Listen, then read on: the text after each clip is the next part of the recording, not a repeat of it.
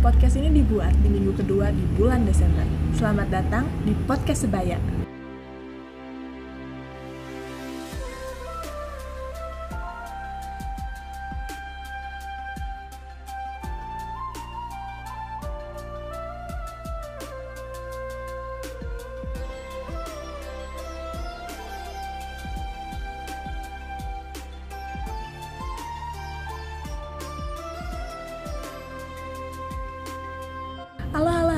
Sampurasun semuanya. Apa kabar nih? Kalau kita itu baik-baik aja. Baik dong. Ya baik dong, ya kan? Iya.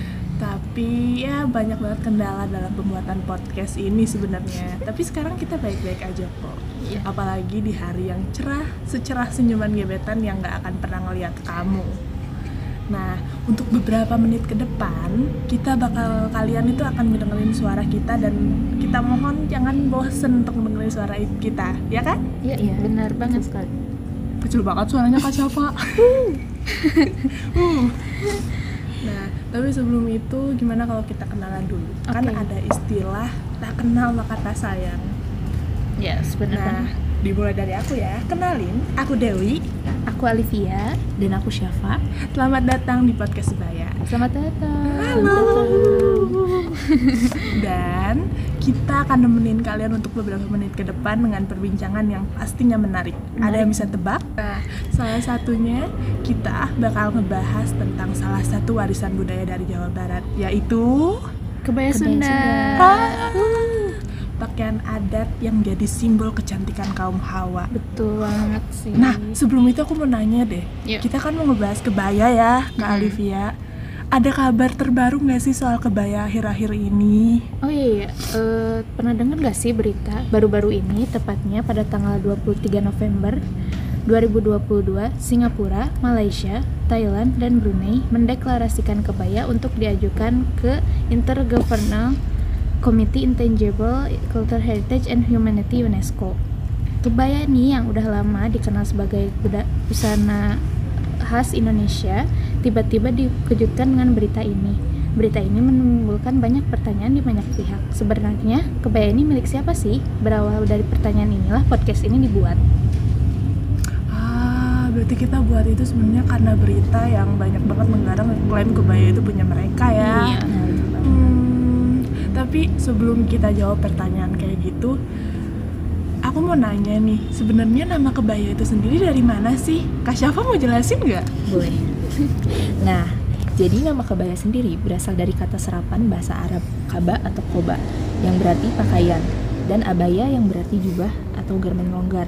Di kamus Hobson Jobson, pada kata kabaya cetakan ulang tahun 1969 halaman 137 dinyatakan bahwa kebaya berasal dari bahasa Arab kauba yang artinya pakaian, namun diperkenalkan melalui bahasa Portugis.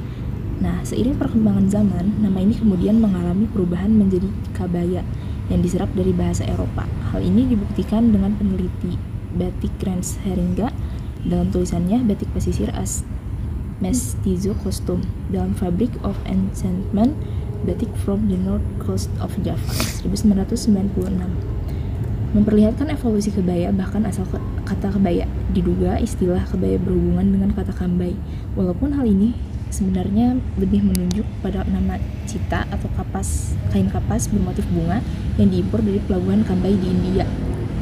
Nah, buat aku nambahin ya, nama ini sebenarnya ini diberikan buat blus blus longgar buka depan yang dipakai perempuan dan laki-laki pada abad ke-15.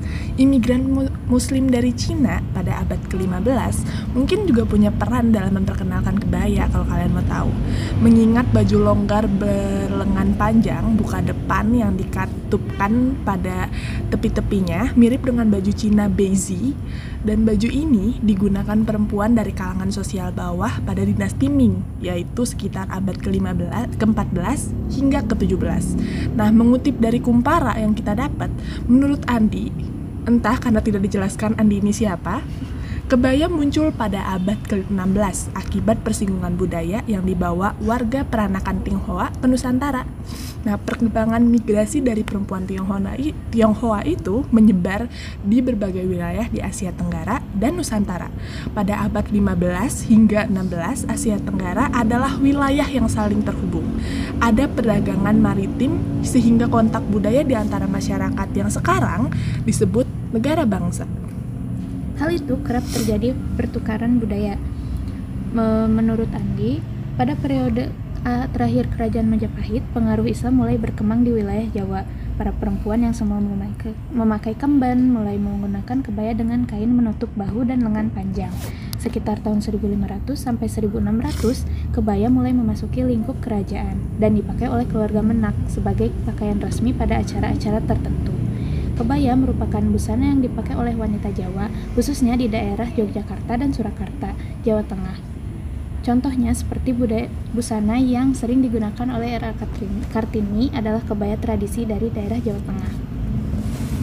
Nah, terlepas dari mana sesungguhnya asal mula kebaya, hal ini cukup membuktikan tentang peranan bangsa lain di dalam membesarkan dan memperbaiki budaya berpakaian bangsa Indonesia, khususnya di dalam memperbaiki busana wanita. Dari bentuk busana yang sekedar menutupi bagian alat vital dan dada ke bentuk pakaian yang mampu menutupi seluruh aurat. Bukti-bukti peranan Islam dalam memperbaiki cara berbusana wanita Indonesia dari bentuk busana longgar ke berbusana tertutup juga dapat dilacak di interpretasi budaya wayang. Kalian tahu nggak sih, kebaya Sunda disebut karena pakaian tersebut memiliki ciri khas serta dikenakan secara umum oleh penduduk yang bernomilisili di wilayah Sunda, yaitu wilayah di Jawa Barat yang dibatasi oleh sungai Cilosari dan Citanduy. Kebaya Sunda adalah budaya tradisional yang dipakai oleh wanita Sunda pada bagian atas yang mempunyai desain tertentu dan biasanya dipadukan dengan memakai kain panjang pada bagian bawahnya. Pada wilayah Sunda bagian tengah seperti Bandung, Sumedang, Garut, Tasikmalaya, kebudayaannya cenderung dipengaruhi oleh budaya Hindu, Jawa Mataram, dan Islam. Berpadunya kebudayaan tersebut dengan budaya lokal sangat mempengaruhi desain kebaya yang dikenalkan oleh masyarakat pada daerah tersebut. Selain itu, pengaruh kebudayaan kolonial tidak kalah besarnya dalam perkembangan kebaya Sunda. Di wilayah Sunda bagian pesisir seperti Banten, Sukabumi, Cianjur, Cirebon merupakan pintu gerbang pengaruh Jawa Demak yang merupakan wilayah utara Jawa Tengah. Pengaruh bangsa Cina, Arab, serta Melayu baik yang migrasi kemudian menetap maupun yang menjalin kerjasama di bidang perdagangan dengan masyarakat Sunda secara tidak langsung juga mempengaruhi perkembangan pakaian di daerah tersebut. Pengaruh tersebut berupa agama serta kebudayaan yang beralkulturasi dalam kebaya Sunda. Nah, setiap kebaya di setiap daerah itu punya ciri khas yang beda-beda.